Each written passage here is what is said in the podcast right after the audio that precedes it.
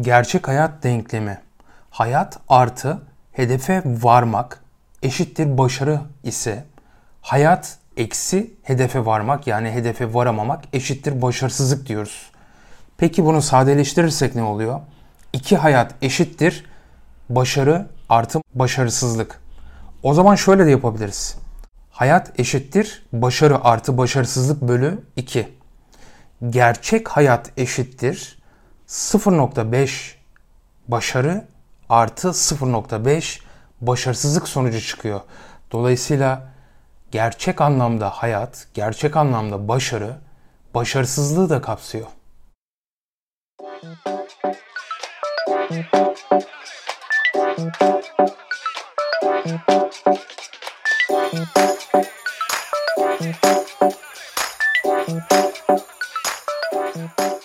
Karlama defterine hoş geldiniz. Ben Serkan Emir. Bugün karlama defterimde başarısızlık var.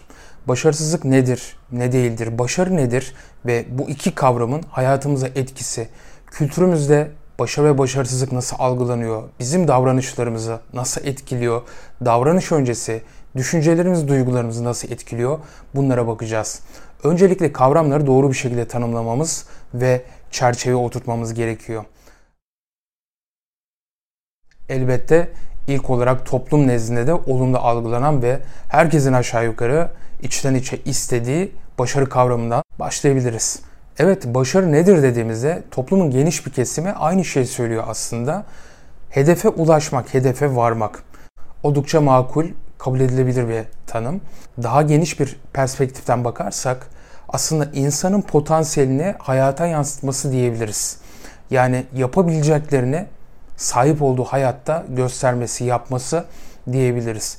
Dolayısıyla burada bir hedef var, bir amacımız var, planlar yapıyoruz ve o hedefe ulaşmak için altını çizeceğimiz nokta şurası. Harekete geçiyoruz. Yani deneme yapıyoruz.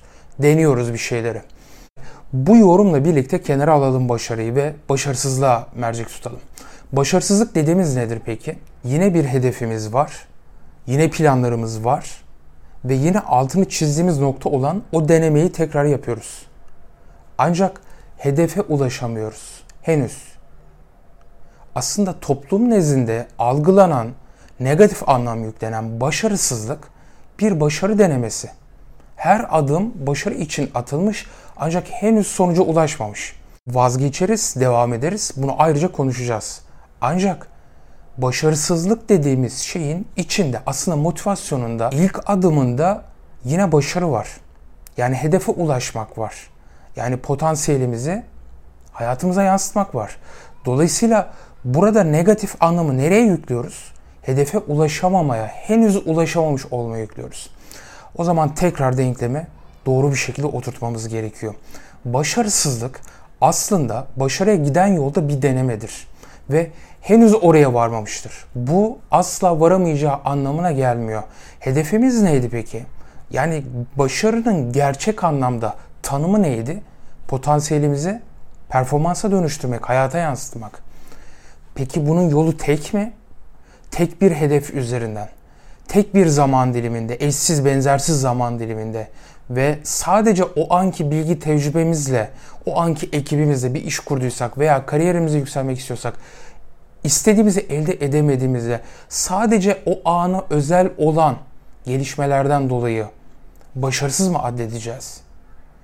Belki de onun ki muhtemelen onun yüzlerce binlerce farklı senaryosu, farklı alternatifi mevcut.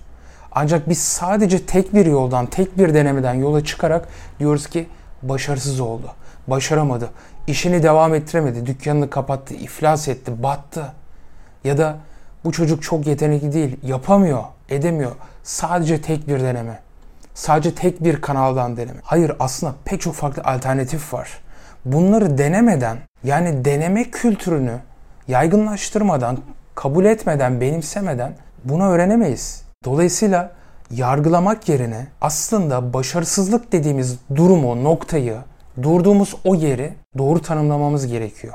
Başarı aslında öğrenme sürecinin devam ettiği ve ilerledikçe, adım attıkça öğrenmeye devam ettiğimiz ve finalde de hedeflediğimiz yere vardığımız bir süreçten bahsediyoruz değil mi? Başarısızlık ise bizi bir şeylerin ters gittiğini, istediğimiz gibi gitmediğini ya da beklemediğimiz şeylerin olduğunu gösteren, stres altına, baskı altına alan, bizi gelişmeye, öğrenmeye normalden çok daha fazla zorlayan, aslında öğrenmenin derinleştiği ve genişlediği bir alan, bir nokta, bir durum. Dolayısıyla başarısızlık dediğimiz durum, toplum nezdinde başarısızlık olarak algılanan durum, başarıya giden yolda çarpan etkisine sahip en önemli basamak. Yukarı doğru bir basamak. Eğer tırmanmaz vazgeçerseniz veya ben başarısız oldum derseniz ya da kendinize inanmazsanız ya da öğrenmeyi bırakır ki burada yine altını çizeceğimiz nokta öğrenmedir. Eğer engelle karşılaştığınızda nasıl aşacağınızı öğrenmezseniz, sizi o engele iten ya da o engelle karşılaştıran şeyin ne olduğunu bilmezseniz, öğrenmezseniz o bir engel olmaya devam edecektir.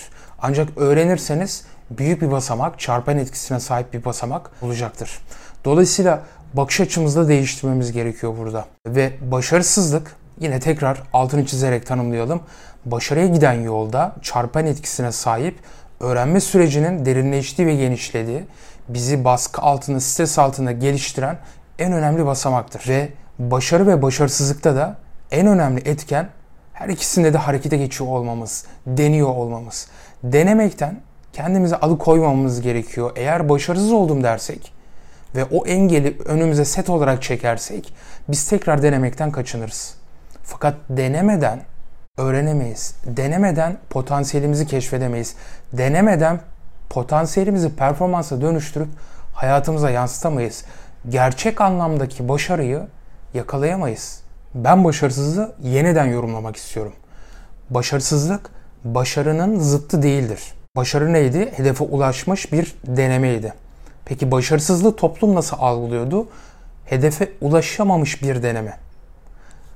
Sürece o zaman şunu dahil etmemiz gerekiyor. Eğer bu başarısızlık dediğimiz denemede öğrenme süreci yer alıyorsa, yani stres baskı altında, zorluk altında daha fazla zahmete katlanıp süreci yönetip öğrenme süreci neden yapamadığını bilme ve yeniden daha iyisini yapma cesareti toplama süreci devam ediyorsa, gerçekleşiyorsa o zaman bu başarıya giden bir basamaktır. Başarıya hatta bizi daha sağlam, daha güçlü adımlarla götürecek basamaktır. Dolayısıyla başarısızlık, başarı bir deneme ise başarısızlık hiç denememe durumudur.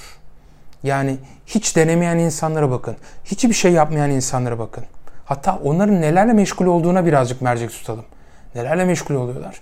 Sürekli başaranlarla ya da sürekli deneyip başarmaya, hedefe ulaşmaya çalışan, defalarca başarısız olsa dahi tekrar tekrar deneyen insanları dillerine dökerek aslında vakitlerini geçiriyorlar. Çünkü haz duygularını doyurmaları lazım.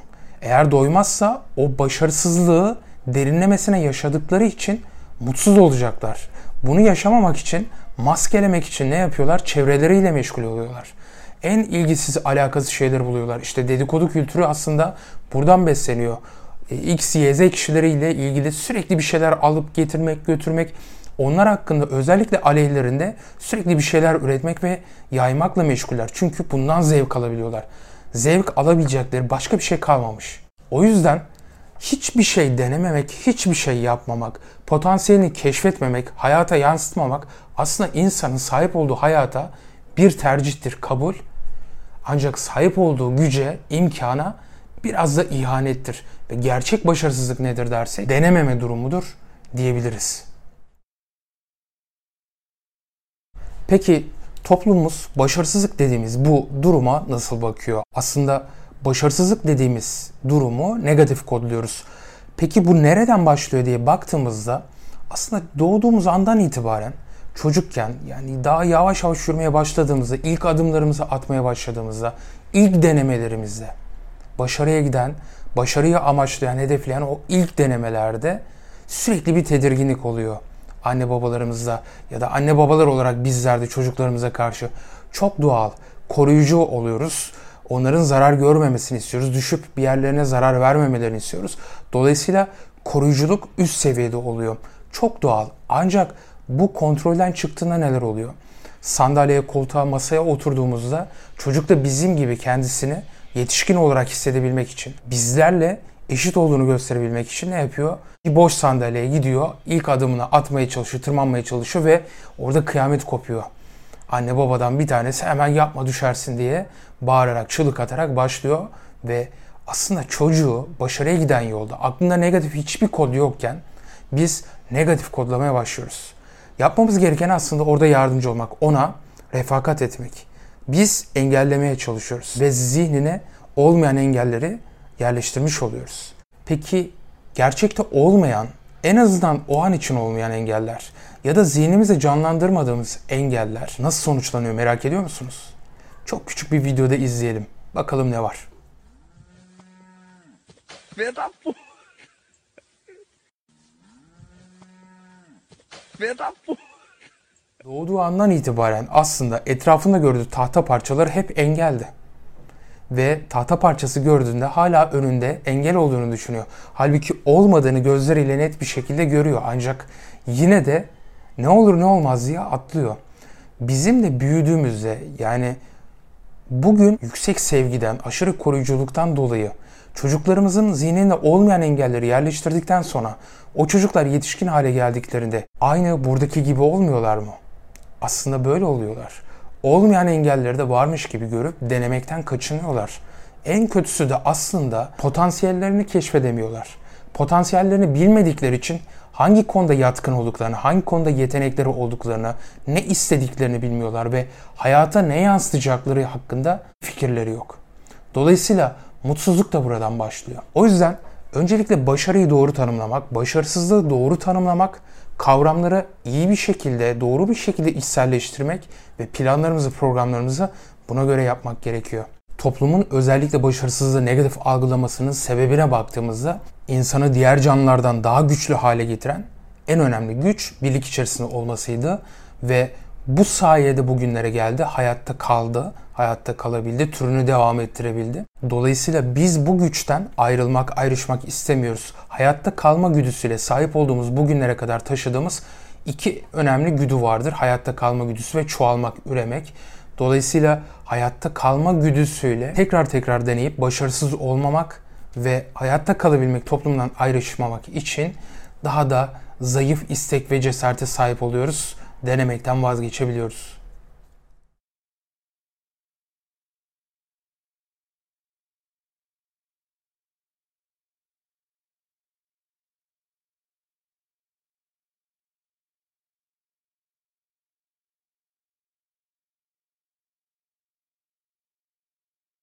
Evet bu bölümü bir soruyla tamamlamış olalım. Sizce hedefe ulaşmayan bu denemeden sonra çıta denemeyi bırakacak mı? Bir de başarısızlığın etkilerine bakalım. Başarısızlık dediğimiz durum bizi nasıl etkiliyor? Az önceki bölümde toplumun bakış açısına, negatif bir bakış açısına sahip olduğunu söylemiştik ve bunun bizi de ekstra etkilediğini gayet iyi biliyoruz. Peki nasıl etkiliyor? Öncelikle negatif konuşmalar, iç konuşmalar başlıyor. Kendimizle konuşmalarımız e, daha da sert ve negatif oluyor. Nasıl bir konuşma yapıyoruz? Örneğin hedefe yönelik bir ok attığımızı, dart oynadığımızı, hedefi vuramadığımızı düşünelim. Başarısız denemelerden sonra kendimize iç konuşmamız nasıl oluyor peki? 4 tane bölüm var. İlk bölümde sadece atış özelinde bir değerlendirme. Ben bu atışta başarısız oldum. Daha geniş, daha kapsamlı değerlendirmede ise yani daha negatif, daha sert bir değerlendirmede ise, iç konuşmada ise ne diyoruz? Ben bugün başarısızım. Zamanı da içine alarak aslında o günü başarısız adetmiş oluyoruz. Daha genişi ve serti ise ben bu alanda yani atışta başarısızım. Direkt alanı eledik. Sadece tek bir anda, tek bir denememizde pek çok farklı bileşen varken yargıya varıyoruz ve aslında bu alanda başarısızız diye kendimizi görebiliyoruz. Ve daha da büyüğü ise ben ne iş yapsam başarısızım, bir türlü yapamıyorum, beceremiyorum. İşte en kötüsü de bu. Denememe durumuna, gerçek başarısızlığa iten düşünce aslında budur. Buraya varmamak için başarı ve başarısızlığı doğru tanımlamamız gerekiyor. O yüzden potansiyelimizi hayatımıza yansıtabilmek için kavramları doğru bir şekilde tanımlamamız ve çerçeve yerleştirmemiz gerekiyor. Bu negatif iç konuşmalar nasıl sonuçlanıyor peki? Biliyorsunuz düşünceler, duyguları, duygular ise davranışları tetikliyor. Dolayısıyla ne düşündüğümüz burada çok önemli. Başımıza gelen bir olay değiştiremeyeceğimiz bir olay olabilir. Bugün havanın kötü olması, yağmur yağması, kar yağması veya aşırı sıcak olması. Bunu kontrol edemeyiz. Ancak kontrol edebileceğimiz alanlar var. Öncelikle düşüncelerimiz. Havayı değerlendirirken ya da başarısız atışı değerlendirirken ben şu anda yapamadım çünkü iyi konsantre olmadım bir bakış açısıdır. Bu size daha iyi konsantre olmayı öğretir.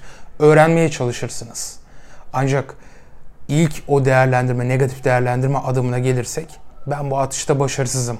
Ya da bir sonrakine gelirsek ben bugün başarısızım. Ya da bir sonraki ben bu alanda başarısızım. Her yaptığım işte başarısızım. Öğrenme süreci bitiyor. Dolayısıyla potansiyeli keşfedemeyiz ve hayatımıza yansıtamayız. Yine altını çizeceğimiz yer değiştirebileceğimiz, kontrol edebileceğimiz noktalara odaklanmamız. Düşüncelerimizi kontrol edebiliriz. O zaman gerçekçi ve olumlu düşünce, daha doğrusu iyimser düşünce bizi bir adım sonraya götürebilir. Öğrenme sürecini tetikler, öğrenir ve daha iyisini yapmak için cesaretimizi toplayabiliriz. Ancak öğrenme yoksa maalesef yine başarısızlıkla neticelenebilir. Daha doğrusu hedefe varmadan neticelenebilir. Başarısızlık dediğimiz durumu yaşadığımızda acı yaşarız. Utanma yaşarız. Asosyallik, mental bir yıkım yaşanır ve çevreden özellikle mesela bir iş kurduğunuz çevre tarafından bilinen bir iş yapıyorsunuz ya da işinizden çıkartıldınız ya da başarılı olamadığınız projeden e, yollarınız ayrıldı şirkette ya da işinizi yapamadınız, kapattınız. Dolayısıyla çevre tarafından da bilinen bir gelişmeyle sonuçlandıysa daha içe kapanırız ve insanlarla iletişimimizi de zayıflatırız. Aslında bir nevi tehlike anında kabuğuna çekilen kaplumbağaya dönüşürüz. Bu bizim hayatta kalmamız için kaplumbağayı hayatta tutan şeydir. Bu doğal bir süreçtir. Dolayısıyla bizim de bunu yapmamız gayet doğaldır. Ancak içerisinde öğrenme varsa, eğer öğreniyorsak bu süreç anlamlıdır, acı anlamlıdır, hüzün anlamlıdır, utanma anlamlıdır, asosyallik anlamlıdır ve öğrenme ile başarısızlık dediğimiz aslında bu durumu daha hızlı bir şekilde aşabiliriz ve aslında toplumun negatif algıladığı hani başarısızlık bak başarısız oldu o yapamadı sen de yapma diye kötü örnek olarak gösterdi bizler tekrar denediğimizde öğrendiklerimizle birlikte daha güçlü adımlar atıp başarılı olduğumuzda hedefe ulaştığımızda bu sefer toplum çok daha hızlı bir şekilde pozitif konumlandırıyor. Pozitif algılıyor ve şöyle diyorlar bakın denedi yapamadı ama yılmadı. Tekrar denedi ve başardı. Sen de yapabilirsin. Bu sefer parmakla gösterilen örnek olabiliyorsunuz. Bu önemli mi? Toplumun ne düşündüğü aslında çok önemli değil. Evet toplumun bir parçası olarak hayatta kalabilmek için, toplumdan ayrışmamak için anlamda onların arasında yer almaya devam edeceğiz. Ancak bizim hayatımızı onların düşüncelerinin yönetmesine izin vermememiz gerekiyor. Ya da geçmiş deneyimlerimizin gelecekteki potansiyelimizi, başarılarımızı baltalamasına izin vermememiz gerekiyor. Dolayısıyla her bir deneme kendine özgüdür. Özellikle başarısızlık dediğimiz durumla karşılaştıktan sonra öğrenme süreciyle devam eden diğer tüm denemeler çok daha değerlidir, çok daha kıymetlidir. Biz onlara tecrübeli, deneyimli insanlar diyoruz biliyorsunuz. Dolayısıyla tecrübe, deneyim aslında daha çok acıyla, zorlukla, baskı altında, stres altında mücadele edip devam edenlerin sahip olduğu bir özelliktir. Öncelikle hedefe varamadığımızda, hedefe varamamış bir deneme durumunda, yani toplumca algılanan başarısızlık durumunda acı çekeriz, üzüntü duyarız, utanırız, sıkılırız. İnsanlar bizi kötü örnek olarak düşünecekler, algılayacaklar diye çekiniriz, kabuğumuza çekiliriz değil mi? Gayet normal, gayet doğal şeyler. Hatta günah olarak algılanır demiştik başarısızlık. Halbuki hayatın çok doğal bir parçası. Başarılı insanlara baktığımızda aslında çevremizde hepsinin ortak belki de istisnasız tek özelliği başarısız olmuş olmaları. En az bir defa, pek çoğu en az bir defa başarısız olmuşlar. Ancak öğrenmişler, devam etmişler, farklı bir kanala gitmişler. Farklı bir kanaldan ilerlemişler, farklı bir hedef koymuşlar. Yani hedefle potansiyel uyuşmadığı zaman siz ne yapabilirsiniz? Uçmayı denesek şu anda insan olarak başarılı olamayız. Çünkü hedefle potansiyel özelliklerimiz uyuşmuyor. Belki zaman uyuşmayabilir. Dolayısıyla yargıya, tümden yargıya varmadan yeniden denemeleri devam etmiş ve başarıya bir şekilde ulaşmış bu insanlar. başarılı insanlar dediğimiz kişilerden bahsediyorum. Yani bizler de öğrenme sürecini devam ettirmemiz gerekiyor. Başarısızlık dediğimiz durumdan çıkabilmemiz için öğrenmemiz gerekiyor. Aslında acı öğretici çok önemli bir duygudur. Bize neyin eksik olduğunu, nasıl tamamlamamız, nasıl bu acıdan kurtulmamız gerektiğini öğretir. Karşılaştığımız engeli aşmamız için öğrenme sürecini başlatır, tetikler. Dolayısıyla acıdan kaçmak yerine acıyla yüzleşmek, sorumluluğu almak, bahaneleri kenara itmek ve o anda o acının tadını yaşamamız gerekiyor. Burada fantastik bir hayal yok. Gerçeklerle yüzleşmek var. Neyi yapamadığınızı, neyi doğru yapamadığınızı, neyin sizi negatif etkilediğini, neyin sizi hedeften alıkoyduğunu tanımlamak var. Buradan başlayarak öğrenme sürecini devam ettirmemiz gerekiyor. Bizi neler engelledi? Neden durduk? Neden ilerleyemiyoruz? Bunların tanımını net bir şekilde yapmalıyız. Acı öğretir demiştik. Burada Abraham Tversky'nin bir stresle ilgili videosu var. Bilinen bir videosu. Buna bir değinelim. O videoyu izleyelim ve üzerine hemen konuşalım. The stress and how we have to look at stress. Okay? And I think it's an important thing because uh, many people have told me from my lectures it's the one thing they remember. Okay? I was sitting in a dentist's office and looked at an article that said, How do lobsters grow? Well, I don't care how lobsters grow. But I was interested in it. And it points out that a lobster is a soft, mushy animal that lives inside of a rigid shell. That rigid shell does not expand. Well, how can the lobster grow? Well, as the lobster grows, that shell becomes very confining. right? And the, kind of, the lobster feels itself under pressure and uncomfortable. It goes under a rock formation to protect itself from predatory fish, casts off the shell, and produces a new one. Well, eventually, that shell becomes very uncomfortable as it grows, right? Back under the rocks. And the lobster repeats this numerous times. The stimulus for the lobster to be able to grow is that it feels uncomfortable. Right? Now, if lobsters had doctors, they would never grow. Because as soon as the lobster feels uncomfortable, goes to the doctor, gets a Valium, gets a Percocet, feels fine, never gets off its shell.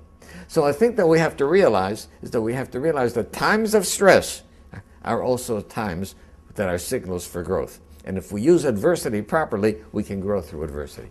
Abraham Tversky de videoda aslında baskı altında, stres altında insanın geliştiğini, canlıların geliştiğini öne sürüyor.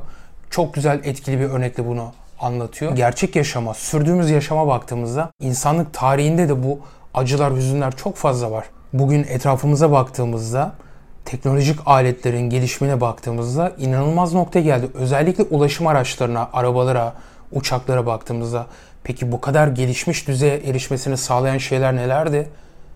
Yaşadığımız kazalardı, acılardı. Bu acıları yönetmeyi öğrendik. Bu acılardan öğrenmeyi öğrendik ve bilgi elde edip tecrübe, deneyime sahip olup daha güçlü, daha güvenli cihazlar, aletler, ulaşım araçları icat etmeye ve kullanmaya başladık. Dolayısıyla acının olduğu yerde öğrenme süreci başlıyor. Sadece algımızın açık olması lazım. Yine altını çizeceğimiz nokta bakış açımızın iyimser olması lazım ve öğrenmeye açık olmamız lazım. Şimdi sizi 2015 yılındaki bir IndyCar yarışına götüreceğim. Çok küçük bir bölümünü izleteceğim sizlere.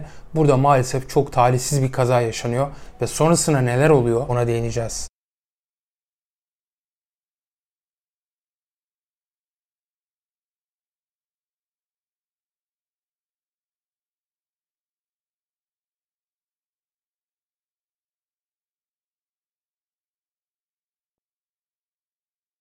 Eski F1 pilotu Justin Wilson maalesef önündeki kaza yapan araçtan çıkan bir parçanın kafasına o yüksek süratle çarpmasından dolayı o anda ölüyor ve bariyerleri çarpıp aracı duruyor.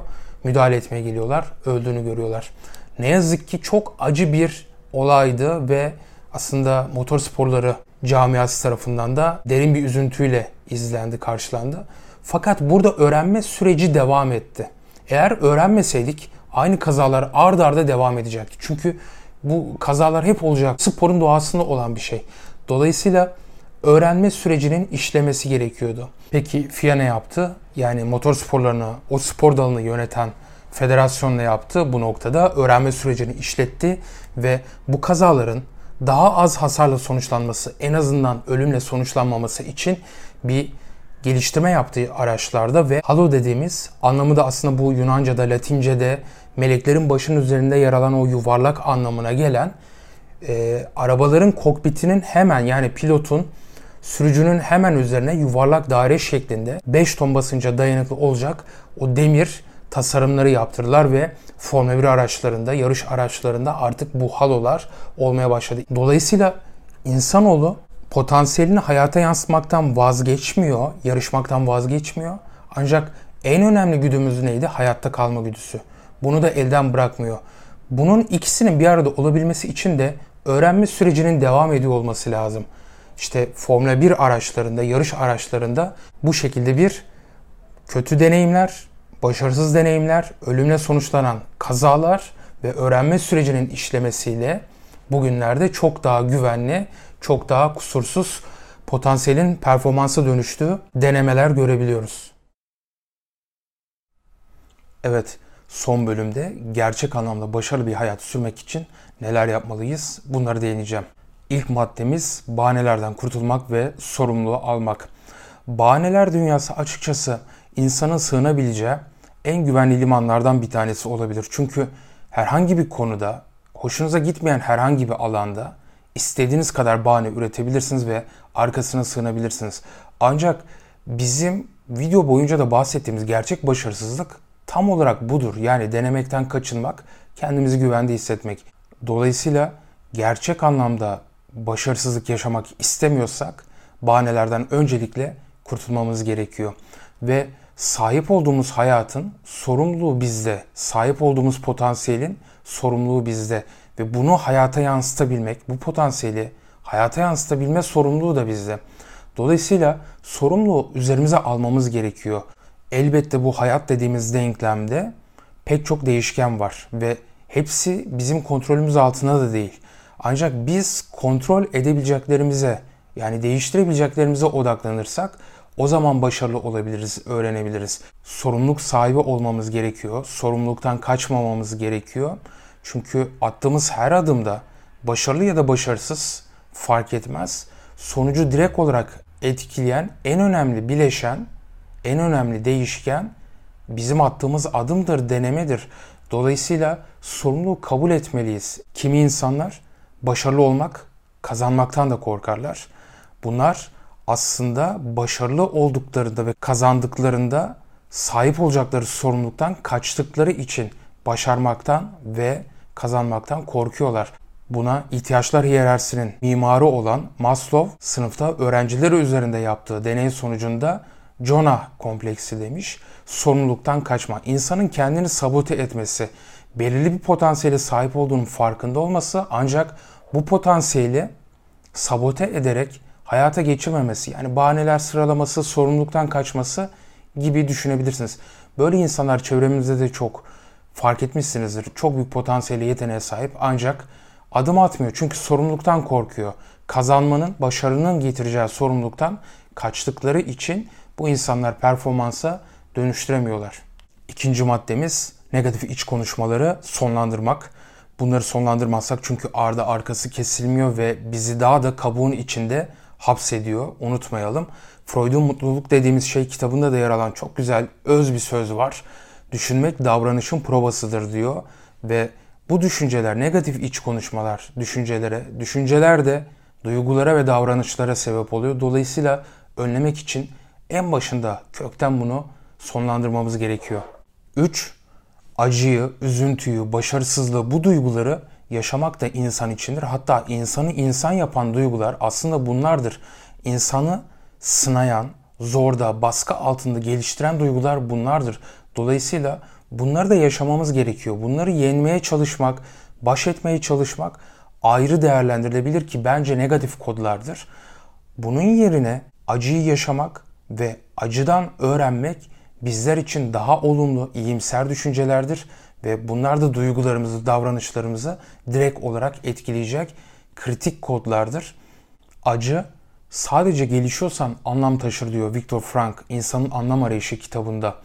Buradaki altını bu video esasında da defalarca çizdiğimiz nokta acıdan öğrenmekti. Eğer acıdan öğrenmeyi öğrenirsek başarı basamaklarını daha güçlü, daha büyük atabiliriz.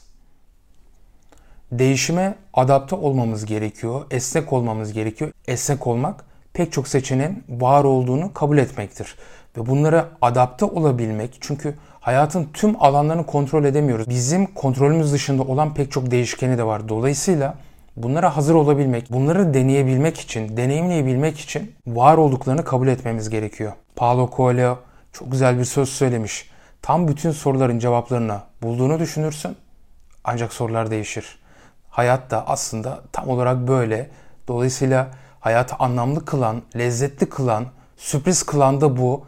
Ne zaman ne olacağını tam olarak kestiremiyorsunuz. Ancak hazır olmak yani kontrol edebileceğimiz noktalara odaklanıp hazır olmak, değişime adapte olabilmek önemli bir beceri. Özellikle bugün iş dünyasında, iş hayatında bu kadar bilinmezlik varken değişime adapte olabilme becerisi önemli beceri olarak da ön plana çıkıyor. 5. Mükemmeli beklememe. Eğer mükemmeli beklersek hiçbir zaman gelmeyecek. Çünkü her an mükemmeldir. Bir sonraki an bir önceki andan daha mükemmeldir. Örneğin 10 sene önce kullandığımız cep telefonları o günün, o anın mükemmel cihazlarıydı. Bugün ise hepsi şu anda bizim gözümüze çöp olabilir. Ancak o anda mükemmel cihazlardı. Bugünün şartları, bugünün gereksinimleri farklı. Dolayısıyla sizin de bugün için gereksinimleriniz, ihtiyaçlarınız farklı. Başarı tanımınız, hedefiniz farklı. Yarın farklı olacak. En mükemmeli hedeflediğimizde en iyisini ben yapacağım diye hedeflediğimizde aslında kendimizi sabote etmeye başlarız ve bu büyük bir yük getirir üzerimize, stres getirir. Daha iyi, daha kaliteli yapacağım derken bu sefer onun sorumluluğundan kaçma eğilimi göstermeye başlarız.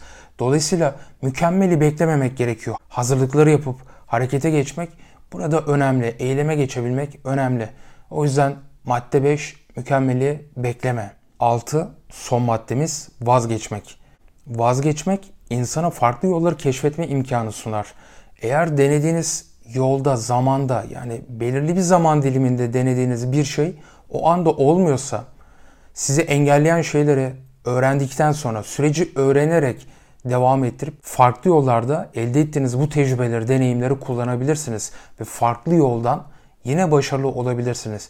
Tek bir yolu yok demiştik. Tek bir zaman dilimi yok. Tek bir deneme yok.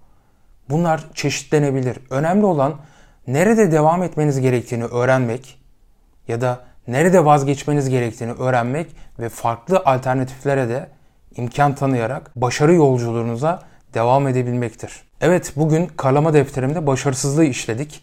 Benim farklı kaynaklardan elde ettiğim başarı ve başarısızlık üzerine aldığım notların bir kısmını derleyerek olabildiğince kısa bir formatta video çekmeye çalıştım.